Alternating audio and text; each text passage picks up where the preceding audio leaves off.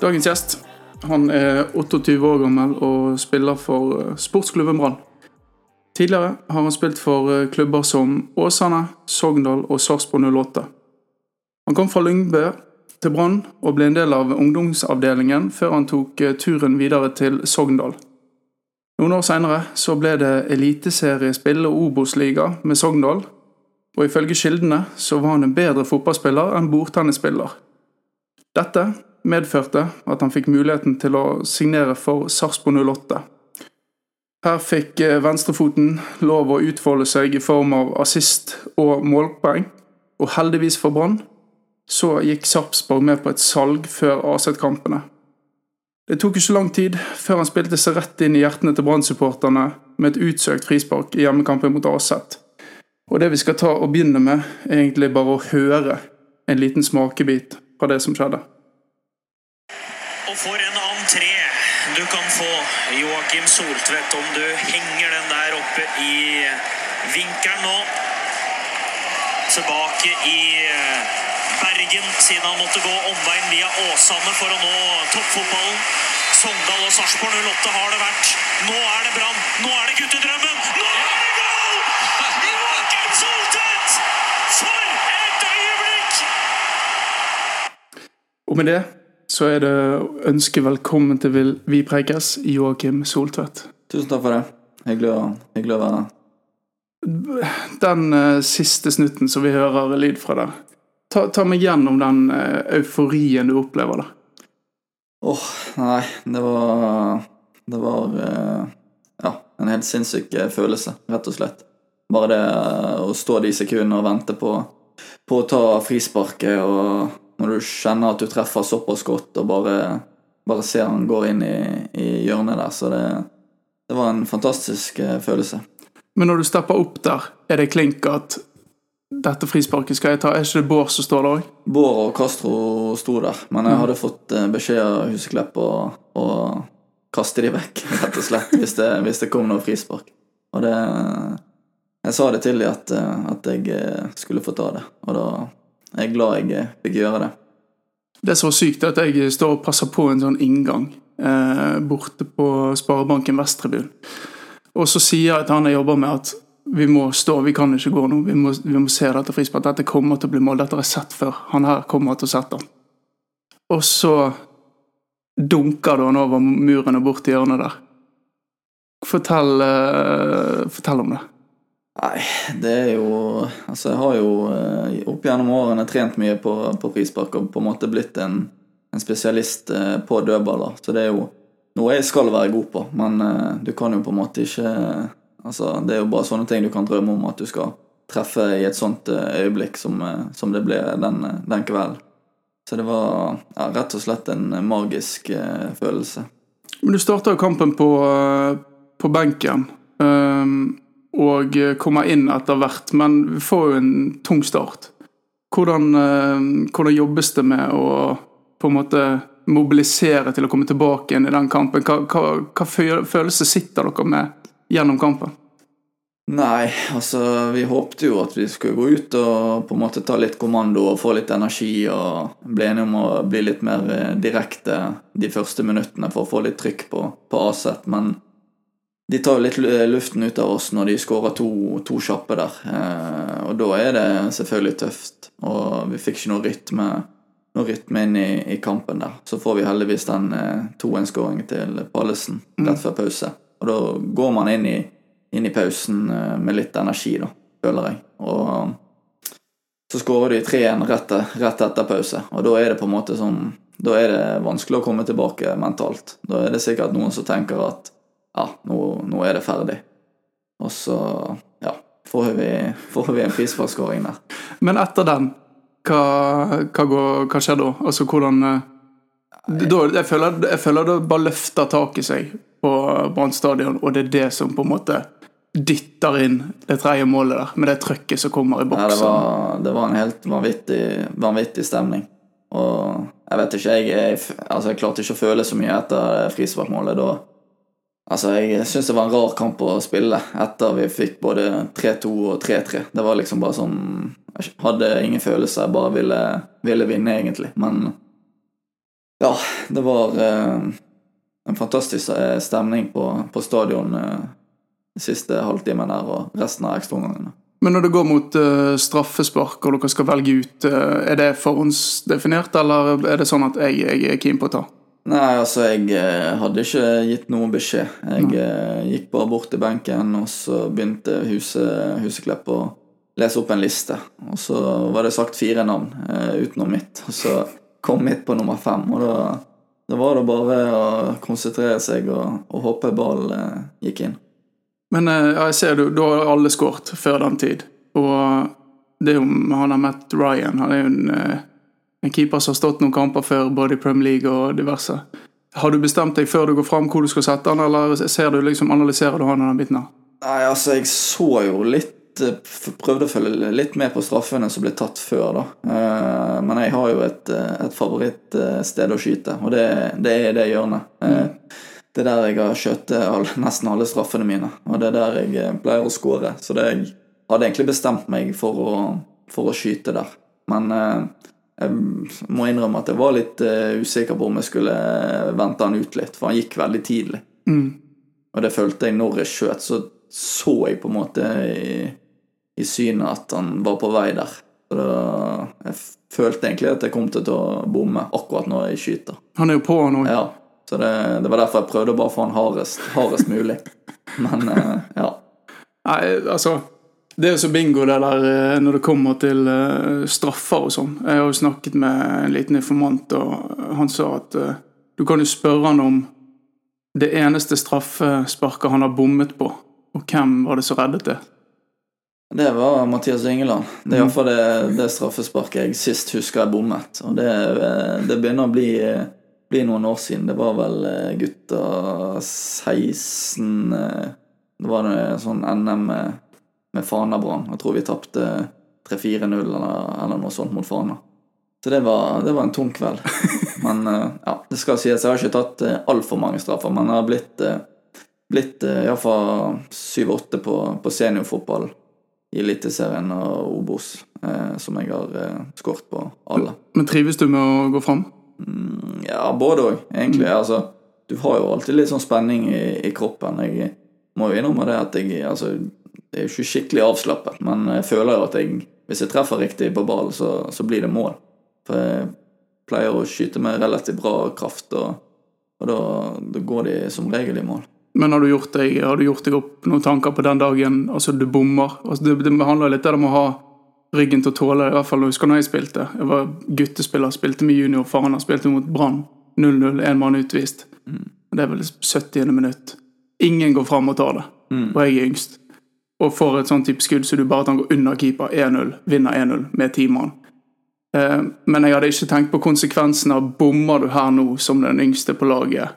Hvordan hadde det føltes, på en måte?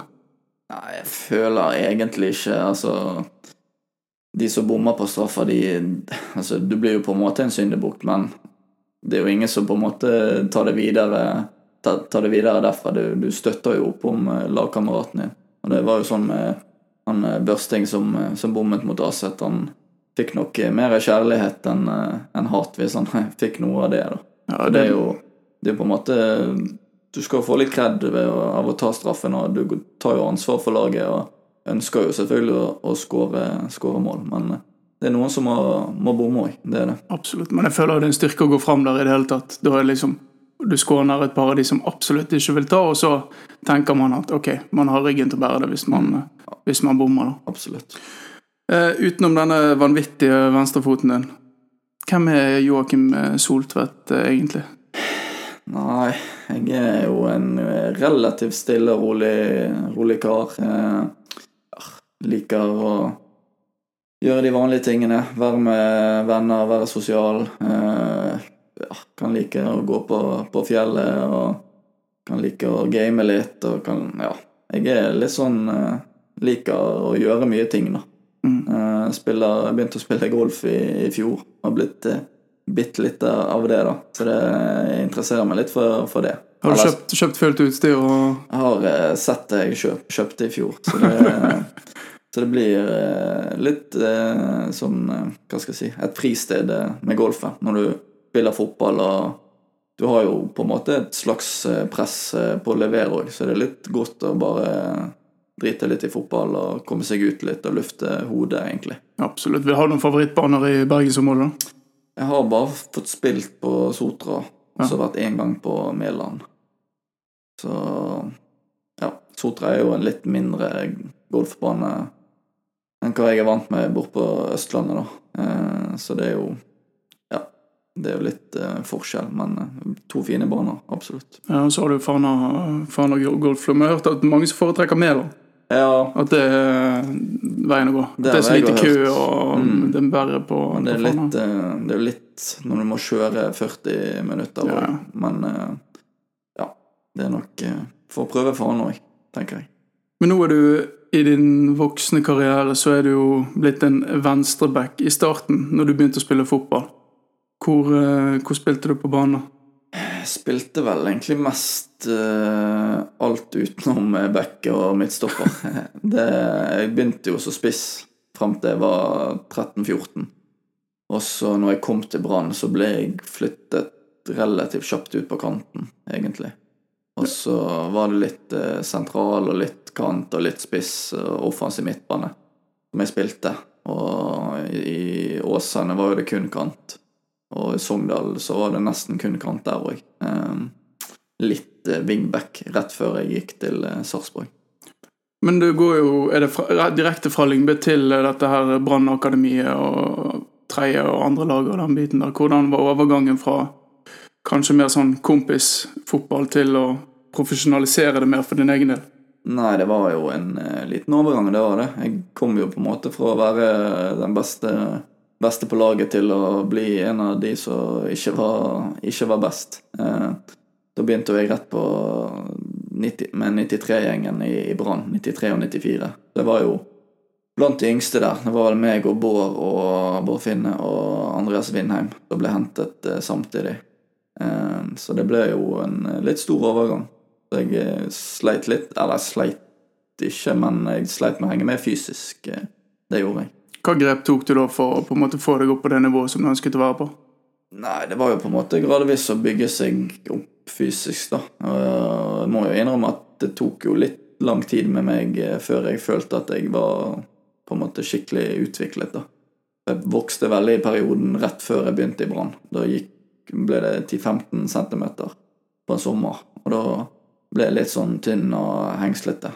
Um, det tok noen år før jeg på en måte fikk det på plass. da. Jeg tror det er veldig un, altså, underkommunik... Altså Veldig underkommunisert dette med å vokse såpass mye. Dette med koordinasjon. Eh, hvordan eh, Altså steg, fart, balanse. Altså det, det er en ganske stor omveltning i å vokse i den alderen der. Ja, absolutt. Jeg eh, gikk jo på en måte fra å være Jeg var sånn Hadde OK sånn fart eh, egentlig når jeg var spiss eh, i Lyngbø. Og så ble jo det mer at det ble litt mer hengslete og mistet en god del tempo eh, i de årene der. Det, det gjorde jeg absolutt. Men jeg, jeg vet ikke, jeg har bare lest flere steder at du, at eh, du har stats fra Kronsminde. Er det noe du kombinerer samtidig mens du holder på på disse brannlagene? For du har jo bøttet inn der. Ja, det var, det var litt uh, back in the days. Det, Jeg spilte litt uh, futsal. Så, men det har ikke blitt uh, mye futsal nå etter uh, koronatiden. Da, da har jeg nesten ikke spilt, dessverre. Og det, det var når jeg var litt yngre, 16-17-18, så spilte jeg uh, mye futsal. Spesielt når det ikke var fotballsesong. Så det brukte, brukte jeg det til å holde meg i, i gang i vinter. vinteren. Men det, der, det er jo det der nåløyet vi snakker om i, i, i Brannakademiet. Jeg har jo mange kamerater på samme, samme alder og på alder med deg som på en måte har valgt å ta dette steget andre steder for å ja, følge utviklingen sin. da. Eh, Hvilke signaler fikk du underveis når du begynte å banke, banke opp mot førstelaget på, på veien videre? Nei, jeg fikk egentlig ikke så veldig mye signaler eh, om at liksom At jeg måtte Jeg fikk jo bare de vanlige, vanlige signalene om at jeg måtte være tålmodig og bare jobbe, jobbe hardt. Og jeg følte at jeg eh, gjorde det. Og så så jeg jo det at eh, jo mer, jo lengre tid det, det gikk, at det ble vanskeligere å komme seg opp på A-laget. For i den perioden der, når jeg var sisteårs junior, så hadde jo de allerede tatt opp eh, veldig mange spillere. Eh, I min alder og yngre, yngre eh, yngre folk som kom opp eh, på A-laget. Så da skjønte jeg at eh, mest sannsynlig så blir det tøft å, å slå gjennom eh, i Brann. Og da går vi videre, da, altså, da er det naturlig å gå over på den Åsane-perioden. Er det en avgjørelse du tar sjøl, eller er det i samråd med klubben at uh, dette vil være en fin utviklingsarena for deg å gå videre på? Nei, jeg fikk egentlig beskjed om at jeg ikke fikk A-lagskontrakt, og at jeg kunne få lov å være med på, på Brann 2 videre og hospitere litt eh, på, med A-laget. Eh, så det var jo en vurdering jeg måtte ta, om jeg hadde lyst til det, eller om jeg hadde lyst til å, å finne meg noe nytt. Og da følte jeg at det var ganske lett valg å ikke bli i Mm. Eh, for det, da følte jeg at da ville de bare ha meg for å på en måte spille på andre laget og, og selvfølgelig kunne jeg sikkert utvi- utvikle meg sånn og, og kanskje fått eh, en sjanse eller to med A-laget, da. Men jeg følte at det var riktig å, å komme seg vekk eh, fra Brann, da. Mm. Og når du kommer til, eh, til Åsane, da, hvordan føler du utviklingen er da? Nei, jeg følte jo at eh, den ble ganske bratt etter jeg eh, begynte å spille. Jeg spilte jo nesten alt eh, det første året mitt. Eh, for jeg var, jeg var litt heldig. Det var vel han eh, Dam, Damian som spilte der. Sanchez Olsen? Sanchez Olsen. Ja. Ja. han hadde gjort det veldig bra i andredivisjon der, og spilte, spilte jo venstrekant. Eh, Så tror jeg han ble skadet rett før sesongen, og da eh, åpnet det seg en mulighet for meg eh, fra start der. Og så gjorde jeg det veldig, veldig bra og hadde mye målpoeng, og da fikk jeg spille mye den sesongen, og det gjorde at jeg på en måte fikk min første sesong i, i voksenfotball og, og tok den. Føler du at det er kanskje den, det året med mest utvikling for deg som fotballspiller, når du går fra Brann 2, Brann 3 til spille Obos? Ja, jeg følte, følte egentlig, egentlig det. For det, det er noe helt annet å spille på et, på et juniorlag og gjøre det bra der, enn å komme til en ja, eh, hva skal jeg si, en voksen, voksen garderobe. Og der det var kultur for å vinne, og det var viktig å vinne. Eh, Så det var, eh, det var en litt eh, stor overgang, det òg, men jeg følte at det gikk ganske automatisk, eh, egentlig. Hvor lang tid eh, går det før denne her eh, For det, det kommer jo interesse. Eh, er det rett etter den sesongen der, eller hvordan, så får du en skade og noe greier der som jeg har lest på? Jeg eh, fikk vel egentlig tilbud eh, av Sogndal, eller Sogndal hadde lyst til å hente meg eh, etter den sesongen der. Men da ville ikke Åsane, Åsane slippe meg, eh, rett og slett. Og så ble det til at det ble Åsane der, og så på sommeren der så ville Kristiansund hente meg. Da var jo de på vei opp eh, til Eliteserien. De var, jeg tror de ledet eh, med en god del poeng der på sommeren. Eh, Men da hadde ikke jeg så veldig lyst å dra dit. Da ville jeg heller vente til etter sesongen, for da gikk jo kontrakten min ut òg. Mm. Så da hadde jeg lyst til å vente der og se om det kunne komme noen, noen andre tilbud. Og da kom jo det ikke noe tilbud etter sesongen. Da var jeg jo egentlig ferdig som Åsane-spiller, og jeg hadde ikke noe tilbud fra noen spesielle klubber. Eh, så da signet jo en ny kontrakt med Åsane. Og så kom eh, Sogndal på banen neste sommer. da. Mm. Men uh, hva, hva inneholder disse, uten å gå i for mye detaljer, men når Sogndal og, og Kristiansund kommer på, på banen og er interessert, er det hva på en måte lovnader gir de det? Er sånn, ja, du kommer til å spille fast hos oss, eller vil vi bare signere deg for, for at du skal vi ser hvor det går hen, på en måte? Nei, altså når før jeg gikk til eh, Sogndal, så ringte jo treneren Erik Bakke til meg og ja, fortalte litt hvordan han tenkte, og hvordan han hadde tenkt å, å bruke meg og sånn. da. Eh, For da tror jeg han Kjemus hadde spilt litt wingback der, eh, hadde blitt skadet, langtidsskadet. Så da måtte de ha inn en som kunne konkurrere der. Så det var egentlig bare det han sa til meg. Og ja, så jeg ble ikke lovet, lovet noe spesielt, men eh, selvfølgelig, når du kommer til ny klubb, så, vil jo du få sjanser. Og jeg har jo eh, snakket med, med i hvert fall en som eh, var samtidig i Åsane som deg, og han har en liten historie som jeg ville jeg skulle høre med deg om. Um, Han eh, sier at eh, når dere var i Åsane, så var det en bytur. Han eh, Altså, du blir spurt av en eh, vekter om legg på byen. Og i den anledning så flekker du opp solkortet ditt. Stemmer dette? Det stemmer, ja.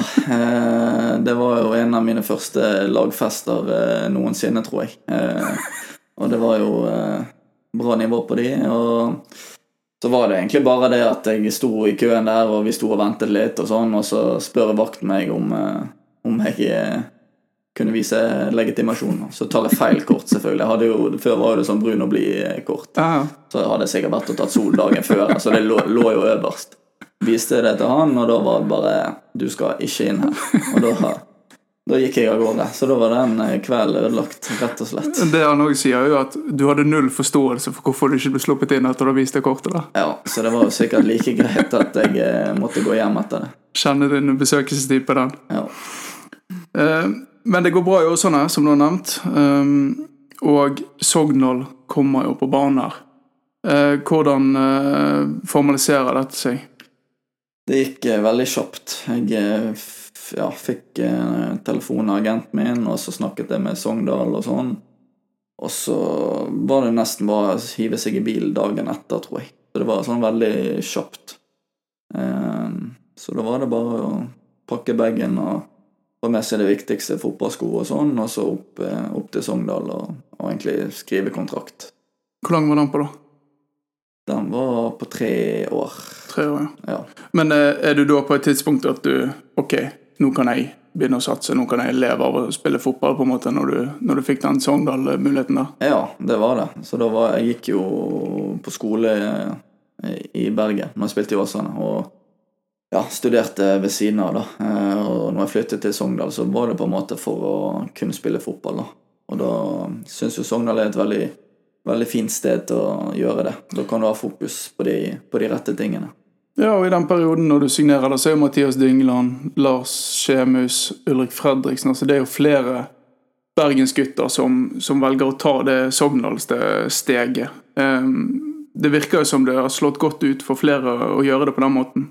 Ja, absolutt. Det, Sogndal har et uh, utrolig fint eh, anlegg der oppe. De har alt på, oppe på campusen der. Og så er det et veldig lite sted, så det er jo på en måte ikke så mye annet å tenke på enn eh, fotball. Og det, jeg tror det er et veldig bra sted for uh, unge, sultne fotballspillere å komme. Der uh, du får på en måte tid til å utvikle deg, og det er ikke så mye press og, og sånn. Så det vil absolutt uh, ja, trekke fram Sogndal som et, som et bra sted. Og når du kommer der, så er vel den første sesongen Da er vel Sogndal i Eliteserien, ikke riktig? Det, det stemmer. Og da er første gang du får smaken på eliteseriefotball.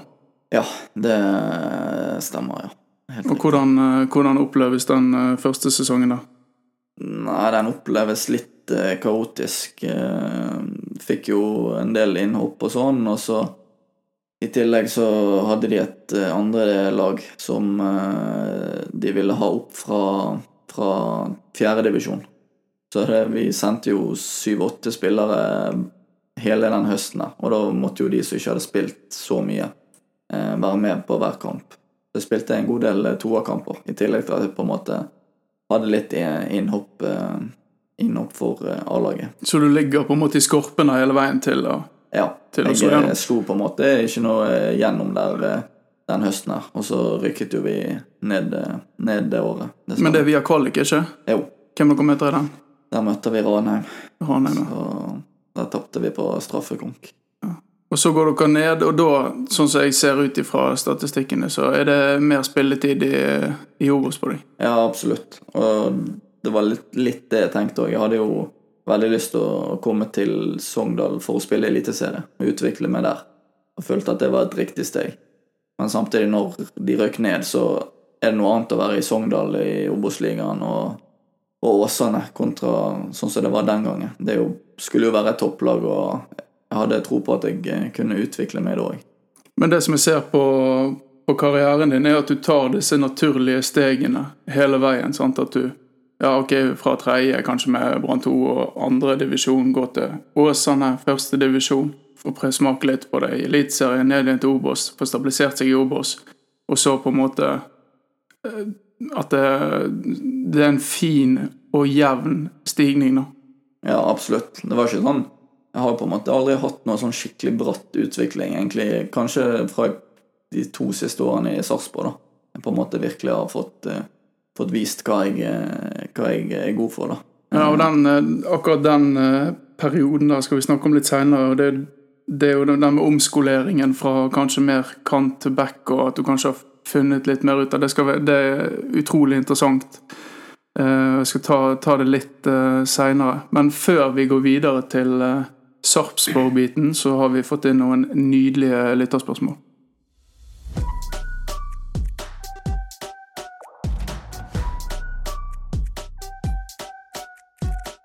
Første um, spørsmålet i dag, det er um, Sindre Lie som har kommet med. Han ønsker at du uh, nevner de topp tre kroppene i Brann sine Kappa-drakter fra 2007. Helstad er ikke lov å velge. Den eh, er litt vrien. Skal vi se. Helstad var ikke lov. Det er ikke lov. Men det er juks. Det, det er fair, faktisk. um, 2007, ja. Da skal jeg ha han eh, Han stopperen um, Han bodde på Laksevåg, faktisk. Det, da skal han få den. Han eh, Ikke Bjarnason, Sig, Sigurdsson. Ja, Sigurdsson. Sigurdsson. Christian Ørn Sigurdsson. Ja, Ja. han var jo litt sånn plugg. Ja, ja.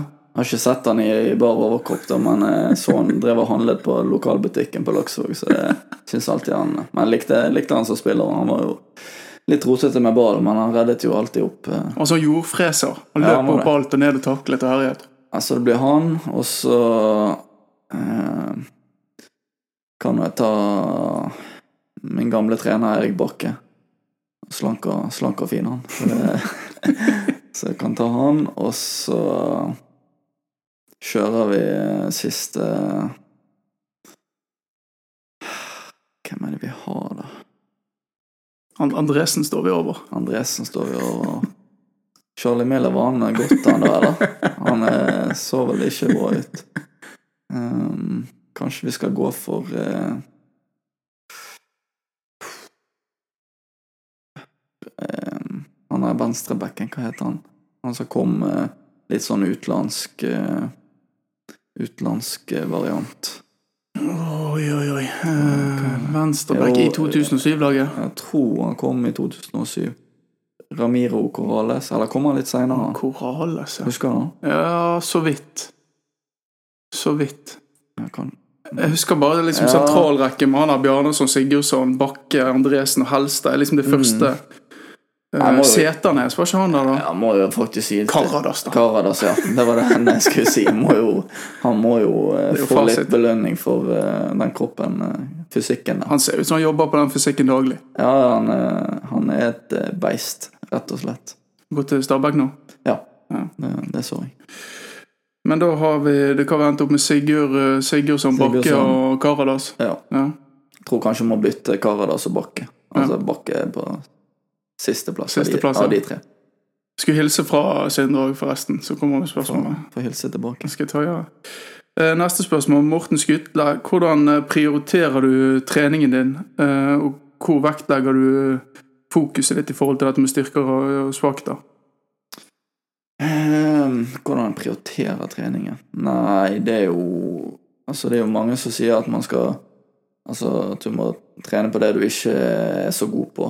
Eh, Men du kan vri, vri og vende på det at du på en måte må jo trene på det som er styrkene dine òg, sånn at du blir skikkelig god. Og det føler jeg litt eh, det jeg har gjort òg. At jeg på en måte har blitt eh, er blitt eh, veldig god å ta dødballer og veldig god å, slå innlegg og, og sånne ting. Da. Så jeg føler at det er det jeg har hatt fokus på. Og på en måte eh, forsterke det jeg er god på, da. Eh, Istedenfor å, å bare jobbe med det jeg er ikke så god på. For det Altså, jeg føler at jeg aldri vil bli en skikkelig sånn Altså, jeg kommer aldri til å bli en forsvarsbauta. Mm. Det, det er på en måte ikke den type spilleren jeg er. Så da syns jeg det, det er bedre å fokusere på det man er, er god på. Du aksepterer på en måte at ok, jeg har mine svakheter, men hvis jeg styrker eh, de positive ferdighetene mine, så vil jeg overkompensere på en måte mot det som Ja, det, Ja. det føler jeg. Så ja, jeg føler det liksom er, det er bedre å ha én god fot enn å ha to eh, middels, da, for å si det på den måten. Nei, jeg tror Morten eh, han tar den. Han er med, han er med på den. Så er det selvfølgelig sånn at uh, man må jo øve, øve på de tingene òg, da. eh, som man ikke er så god på. Som man må utvikle òg for, for å bli bedre som fotballspiller. Så, Men den eh, omstillingen sant, fra, fra, fra kant til back, eh, altså, hvilke utfordringer har du støtt på i, i type forsvarsspill? da? Nei, det er jo det at du på en måte er i bakerste ledd i, i forsvaret, da. Og at du, altså som kant så presser du, og så er det kanskje det er ikke så farlig om du blir dratt forbi. Da er det liksom ikke krise. Mens hvis du er i forsvar, så, så har du ansvar for å ikke slippe inn eh, mål, da. Og da er du litt sånn med posisjonering og sånne ting, da. Så jeg føler at jeg har tatt steg på det, men uh, absolutt eh, mye forbedringspotensial på, på det defensive. Er det, mye, altså, er det noe dere har fokus på nå, altså samlet sett, eller er det å dyrke altså, på fellestreninger, eksempel? Ja, det er jo det. Det, blir- altså, det er jo mange forskjellige del, deløvelser der du kommer i, i sånne situasjoner der du på en måte får eh, øvd deg. Da. Så det, det er viktig. Jeg har en informanter som spør om eh, nivået ditt i bordtennis. Nivået i bordtennis er, det er ok hvis jeg får spilt litt og jeg er på en måte varm. eh, varm. Mm. Og får spilt det i en periode, da er ok. Men eh, jeg tipper jo dette kanskje eh, Mathias Dyngeland som har sendt inn et håp om eh, Om å Ja, hva skal jeg si Få, få ut eh, Fikk et eh, ras, raserianfall oppe på, på Fosshaugane campus en gang, når jeg spilte mot uh, Mathias. Ja, uh, jeg kan bare spille av et klipp, og så kan om du kjenner igjen Og så skal vi forklare det, siden uh, folk lytter til dette. Men vi skal spille av denne.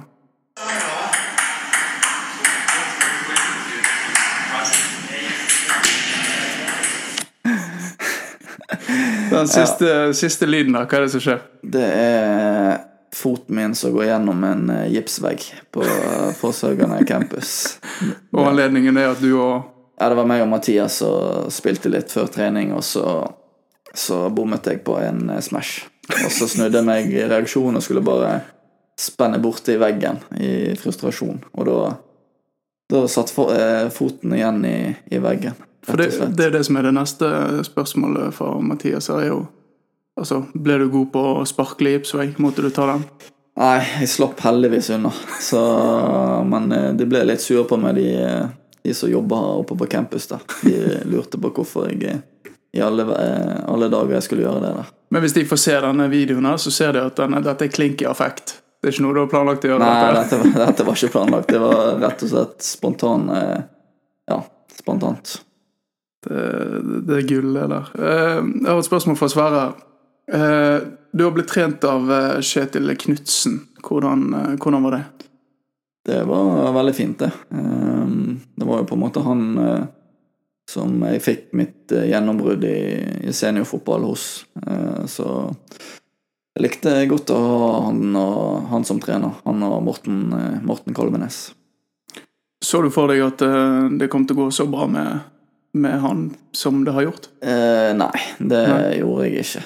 Det Altså, jeg syns han var en god, god trener og hadde gode spilleideer og, og sånn, men det er liksom vanskelig å se for seg at du skal få den sinnssyk, sinnssyke eh, suksessen som de har hatt oppe i, oppe i Bodø der de siste årene. Det er jo en eh, fantastisk eh, jobb de har gjort der oppe. Og Det leder jo litt til eh, neste spørsmål for Sverre. At du, har- vil at du skal kategorisere de tre beste trenerne du har hatt opp gjennom tiden. De tre beste Uff. Ja. um. de tre beste trenerne Jeg har jo faktisk Altså, jeg føler jeg har hatt Jeg Syns jeg har vært veldig heldig, først og fremst. Jeg har hatt eh, veldig mange gode trenere opp igjennom, og altså vet kanskje ikke om jeg kan si beste, men jeg kan jo si de viktigste, viktigste som har vært for meg. da. Ja, Og det, altså, først er jo det, de viktigste var jo de jeg hadde i Lyngbø. Eh, som jeg hadde fra jeg var seks år til jeg var 13-14. Og det er jo Trond Pettersen i, i hovedsak. Han er jo trener for Lyngbø, Lyngbø sitt A-lag nå. Så han har jo jobbet der i mange år. Så det var jo på en måte han som ja, utviklet meg i, i, den alderen der, og ja, fikk meg til å ha det gøy med fotball. Og, så han er absolutt eh, en av de viktigste, og, og flink også. Og så syns jeg eh, eh, trenerne i Sarpsborg eh, var veldig dyktige. Eh, tok eh, veldig store steg under Stefan Bilborn og Joakim Bjørklund, blant annet. Så de to. Og så må vel si, må vel si Horneland òg nå, når mm. jeg er i Brann. Jeg føler at han er Inntrykket mitt er at han er en veldig flink trener. og han, han på en måte får det beste ut av spillerne sine. da. Så jeg gleder meg til å se hva han kan få ut av meg, holdt jeg på å si. Ja, virker som det er en vanvittig intensitet i det, det dere driver med. Absolutt. På, I hverdagen. Det, det, er et eh, steg opp eh, fra det jeg er vant til i, i Sogndal og, Sarpsborg. Det, det, er det absolutt. Men er det, er det krevende både fysisk og mentalt? Ja, for det blir jo litt sånn altså Når en trener hele tiden er på, og, og sånn, så må du være på sjøl. Og det, det, tror jeg egentlig er bare godt, eh, godt for alle fotballspillere. At du har en som vil, vil det beste for deg hele tiden. Og det er jo det som, uh, som vil lede oss litt videre, og det er jo denne her uh, overgangen til uh, Sarpsborg som jeg gleder meg veldig til å høre mer om.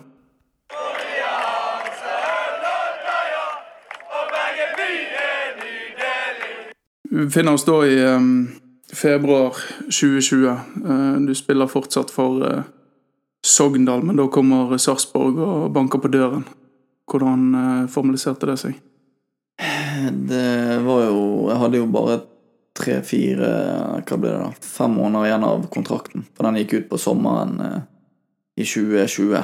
Og da var vi på treningsleir med Sogndal. Så var det liksom Hadde hatt litt dialog med Sogndal om å forlenge, eller om jeg skulle eh, dra bort, da. Eh, så kom egentlig litt ut av intet at eh, Sarpsborg ville ha meg. Det var agenten min som, som ringte og sa at uh, de var interessert. Uh, og da fikk jo jeg veldig lyst med en gang å, å prøve ut det. Så det gikk, det gikk kjapt, det òg. Men da er det jo ser jeg. Og du starter, sånn som jeg husker, du starter kanter, gjør du ikke det, i Sarpsborg-tiden? Jo, det var Jeg ble på en måte hentet som De hadde sett meg litt som wingback i Sogndal. Så det var at jeg skulle konkurrere på wingback og på kant. da At det var litt eh, anvendelig da Men du fortalte jo tidligere om eh, det her føler du tar steget på en måte og etablerer deg. Hva, hva er det som skjer eh, i tiden i Sarpsborg som gjør at du føler at du får den utviklingen som du ønsker? Nei, jeg føler jo at det kom til en mye bedre lag, rett og slett. Det var Sarpsborg hadde jo gjort det veldig bra i Europacup to år eh, før, før, jeg kom, og det var mye gode, gode, fotballspillere der. Så det var jo litt sånn Intensiteten og sånn var jo mye høyere, og det gikk litt fortere, og det var rett og slett bedre kvalitet òg. Så det gjorde at jeg fikk en, en utvikling eh, i Sarpsborg eh, i begynnelsen òg. Men føler du at eh, du tar eliteserienivå kjapt?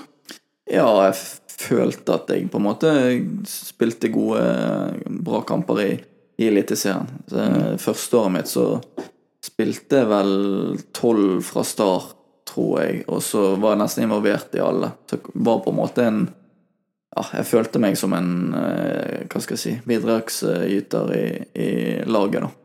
Ja, så det er kanskje forskjeller fra en del andre klubber, at her føler du at her er jeg med på å dra lasset? I større grad enn du kanskje gjorde andre steder? Ja, jeg følte iallfall det, men selvfølgelig andreåret mitt i Sarpsborg ble litt mer eh, utfordrende. For det, da mistet jo vi treneren etter tre-fire runder. Eh, så jeg følte at han liksom hadde mye tillit til meg da, og kunne sette meg inn når som helst. og Jeg var på en måte første eller andre eller tredje innbytter i, i hver kamp jeg ikke startet. Så kom jo Lars Bohin inn eh, i Sarpsborg der og fikk spille litt i begynnelsen der, eh, uten å gjøre det noe spesielt eh, bra, verken meg eller laget. Og da kom jeg ut av laget, og så begynte vi å vinne kamper. Og da, mm. da var det vanskelig å komme seg inn eh, den høsten. Så da, da, var jo jeg på en måte litt eh, tilbake til start, da. Der jeg var nesten helt ute av laget og ja, fikk ikke mye tillit. Eh, Hvordan er det å være deg i den perioden? da? Det er litt, eh, litt tungt eh, når du har lyst til å, å bidra og spille fotball. Eh, samtidig så er det litt Altså når du er fotballspiller og du ser laget gjøre det bra, så vet du på en måte at det kan være vanskelig å spille seg inn. For det, da har jo lagkameratene dine gjort seg fortjent til, til, å spille. Det er jo Hvis du vinner fire kamper på rad, og så blir du tatt ut av laget uten grunn, på en måte, så vil jo det føles dårlig, det òg. Så ja, det er litt sånn, det er en vanskelig situasjon. Men hva er det, hva er det som gjør at du jobber deg inn i laget, da? Nei, det er jo en ny sesong, da, og nye Mm. trenere, som blir på en måte en ny, ny start for meg. Og da Jeg var jo litt usikker på, når de nye trenerne kom inn, hvilken posisjon jeg eh, skulle spille, først og fremst, og ja, hvilken rolle de hadde tenkt å, å gi meg i, i laget, da. Ehm, så da ble jo det på en måte spilt en god del kant i begynnelsen der òg. og så i preseason fikk eh, han venstreback eh, Joakim Thomassen begynte å få ha litt skader og sånn. Og da ble jeg prøvd som eh, venstreback i en del treningskamper, og eh, det gikk, eh, det gikk fint. Og vi spilte liksom litt, offensiv, litt mer offensiv fotball enn en tidligere, som gjorde at eh, ja, jeg kom, eh, kom mer til min rett der, da. Eh, og så starter jeg på benken første serierunde i 2021.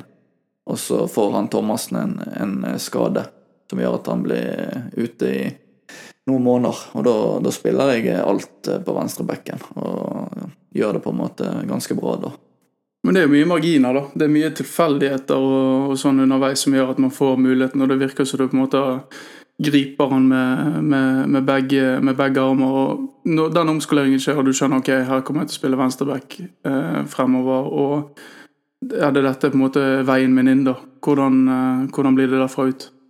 Nei, det blir jo på en måte bare å ja, hva skal jeg si Prøve å gjøre det bra, så bra som mulig og ja, spille på, på, styrkene mine. Og Det var det jeg på en måte følte at jeg, jeg gjorde på en måte den backrollen back om til, til, min egen. Og at jeg ja, er ikke en sånn tradisjonell back som ja, står i forsvar og sånn. Jeg vil jo vil angripe og slå gode pasninger og komme til skudd, komme til innlegg. og være involvert i det offensive. Det er jo det, det jeg ønsker. Føler du at det var altså, aksept for at du gjorde den rollen til din egen? Ja, jeg følte, følte veldig det i, i Sarpsborg, at, at, vi hadde frie tøyler til å ja, være i forskjellige posisjoner.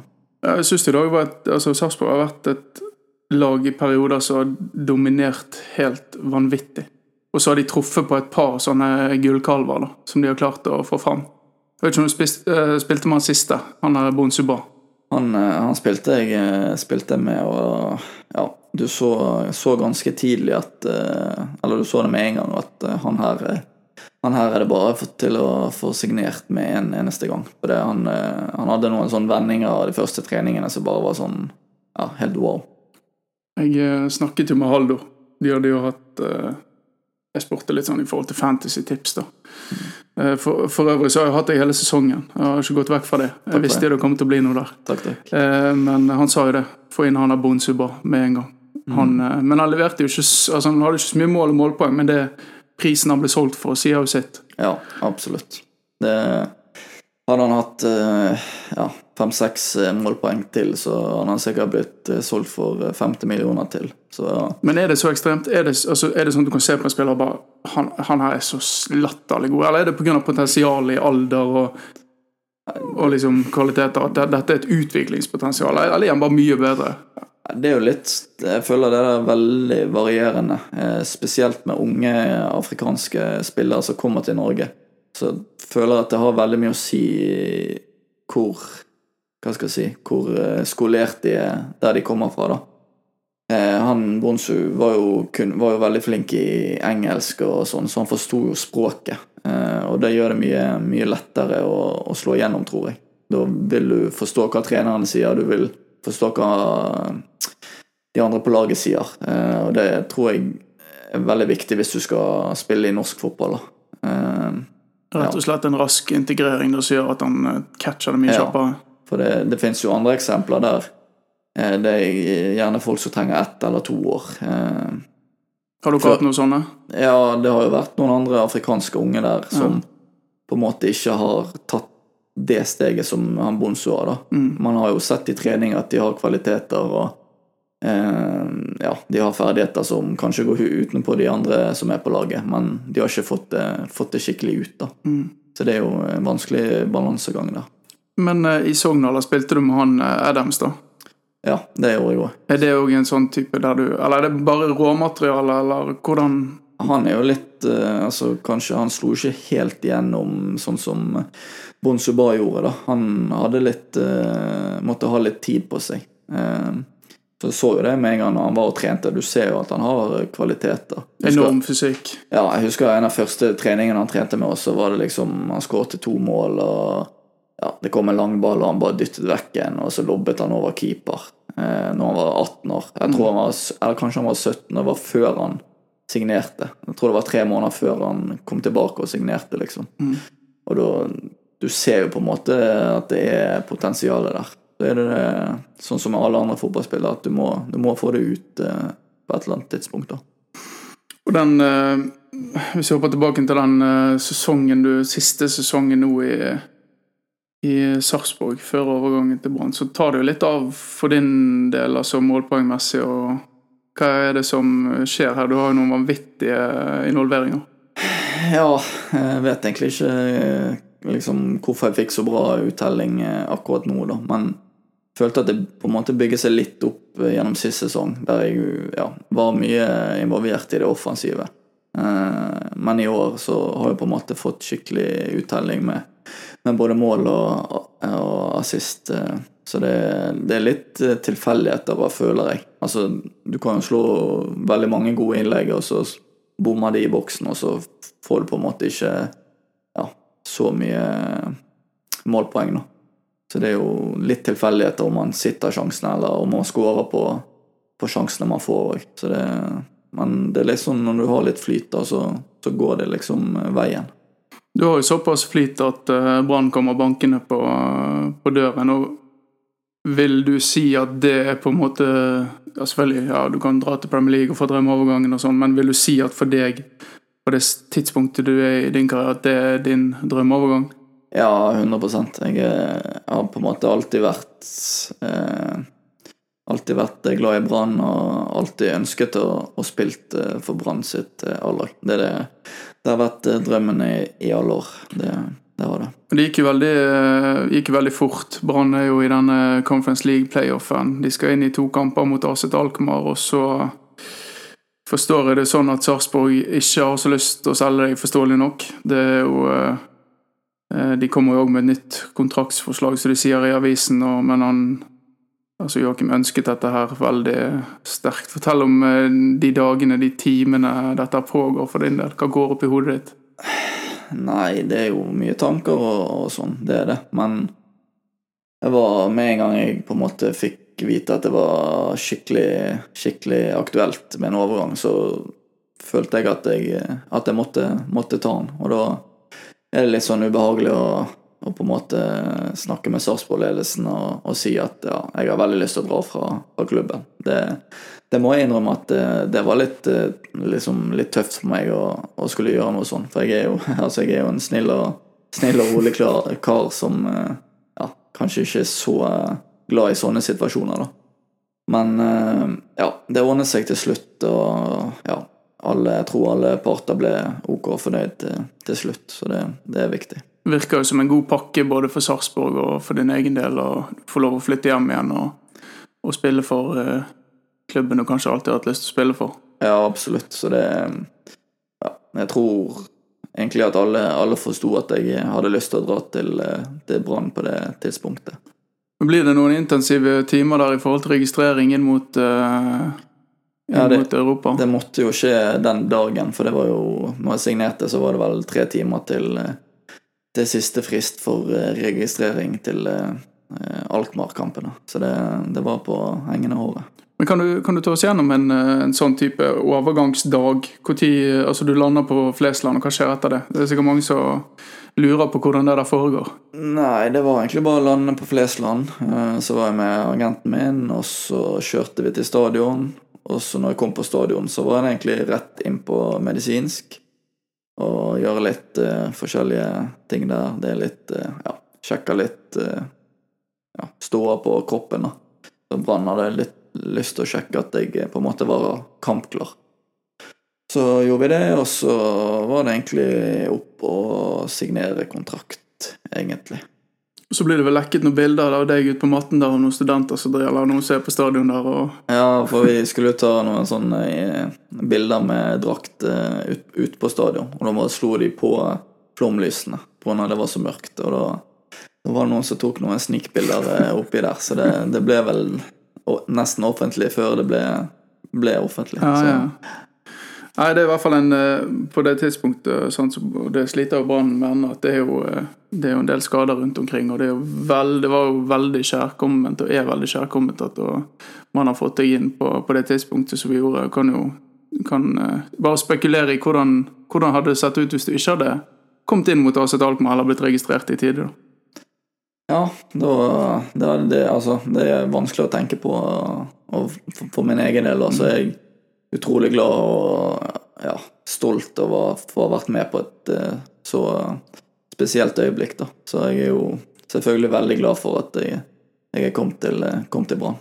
Hva er veien videre for eh, deg og Brann nå? Jeg håper jo håper først og fremst at vi skal utvikle oss videre. Og allerede nå kjemper vi om, om medalje. Så jeg har jo utrolig lyst til det. Rett og slett. Og er det Europa som, eh, som er planen?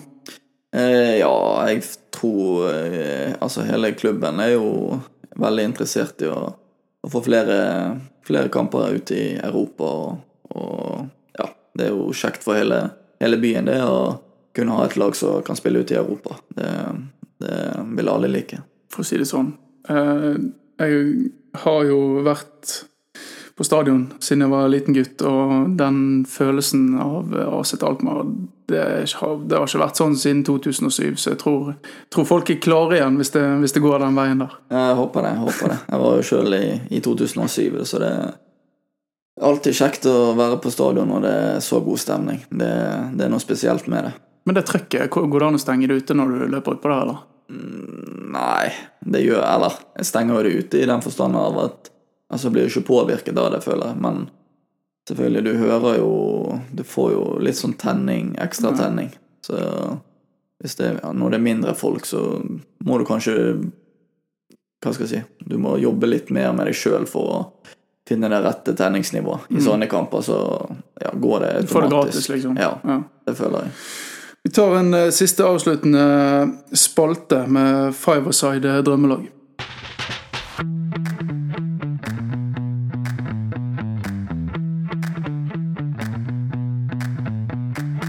Har du fått i oppgave å sette opp uh, Fiverside drømmelaget ditt, og hva har du gått for der? Jeg har gått for en eh, litt eh, spesiell miks, tror jeg. Det er litt forskjellige eh, spillere som jeg har spilt med opp gjennom tidene. Eh, I mål så har jeg valgt eh, gammel Eller ikke han, han er jo gammel for så vidt, men eh, Eirik Østgaard. Han spiller jo enda i, i Åsane der. Eh, han eh, ble jeg god kompis med når jeg spilte i Åsane. Eh, fantastisk god keeper. Eh, og jeg eh, har egentlig valgt han òg litt av meg og han har en, en sånn deal om at vi har en plan om at vi, vi skulle komme oss til Kina, begge to. Og, og bo i en sånn liten, eh, liten hybel der på 40 kvadrat og, og kose oss der nede. Ja, ja. Så det jeg tror egentlig det er det som holder han i gang eh, ute i Åsane ennå. Det er den drømmen om at vi skal, vi skal dra til Kina sammen og spille fotball der og Deilig. ha det fint. Så han blir uh, bakerste mann. Han blir bakerste mann. Deilig. Hva har du gått for etter det? Eh, I forsvar Nå har jeg tenkt litt futsal-aktig, da. Mm. Uh, for jeg har spilt litt eh, futsal sjøl. Og da har jeg tatt en lokalspiller fra Bergen som uh, heter Simen Hopsdal. Spiller, Bjarg. spiller nå i Bjørg. Han er, han er god. Han er god fotballspiller. Ah. Det, det ser alle som ser når han spiller. Og i futsal er han kanskje, kanskje enda bedre, iallfall når han var på sitt fitteste. Mm. Da Da er han en, eh, Først og fremst er han en ekkel spiller å spille mot. Han, Sleip, han er sleip. og han vet, eh, vet hva, som, eh, hva som gjelder. Og så har han gode Veldig altså, fin fotballforståelse. Og, ja. Mm.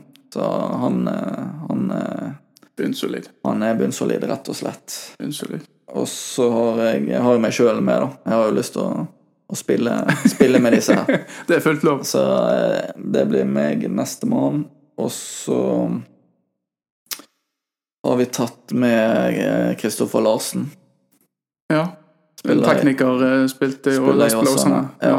Han har jeg med fordi at eh, han eh, Når han var på sitt eh, beste på futsalbanen, så var ikke mange som var bedre enn han eh, i forhold til ja, det som futsal gjelder, at det er mye finting og ja, en fin spiller å se på. da. Og Flair, rett og slett. prøvde Bare fløt rundt på parketten der. Ja. Og, så han, eh, han er med.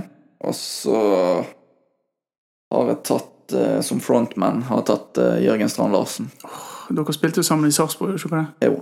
Så jeg følte at jeg måtte ha litt eh, Hva skal jeg si Han spiller jo på ganske høyt nivå nå, så jeg tenkte at vi må ha med oss en som kan dra la, la, litt eh, lasset der framme. Jeg, Så- tror han er- jeg har ikke spilt futsal med han, nå, men jeg, jeg tror på en måte at han kan være en fin, eh, fin eh, targetmann der oppe. Han hadde vel seg en rolig skåring på kamp Nou, eh, eller på den gamle Olympiastadion som det er nå, da. Det stemmer, det stemmer. Så jeg, jeg eh, har godt for de. Jeg tror det kunne blitt et, eh, et spennende lag. Spennende. Da er det Østgård, du har Hopsdal, du har deg sjøl. Du har Strand Larsen og, eh, og Kristoffer Larsen. Det er i hvert fall en offen, et Mm. Offensivt lag, da. Veldig offensivt. Så det jeg tenker at eh, meg og Hopsdal får stå litt baki der og dirigere og spille vegger framover, og så får Larsen finte litt, og så ja, får Strand Larsen skåre litt. Så, Spille opp på Strand Larsen og ned på Kristoffer Larsen, og så og Det så ikke dum, eh, ja, det kan bli, det kan bli bra, det. Nei, men det er en, det er en fin, en fin eh, femmer, det. Um, og jeg må jo bare si tusen takk for at du har tatt deg tid til dette, Joakim. Jeg håper at folk eh, setter pris på den timen vi har hatt her. Og jeg eh, ja, igjen hadde en liten konkurranse eh, gående på innsendte spørsmål. Takk til Torshov, som har delt ut eh, drakt. Det kommer flere muligheter i løpet av høsten og, og vinteren, så det er bare å følge med. Vi har fått eh, noe vi preikeskopper her, så det er mulighet til å benytte seg av. Men eh, til syvende og sist, Joakim, tusen takk for at du har eh, tatt deg tid til dette, og vi har lyst til å avslutte med Vi preikes. Vi preikes.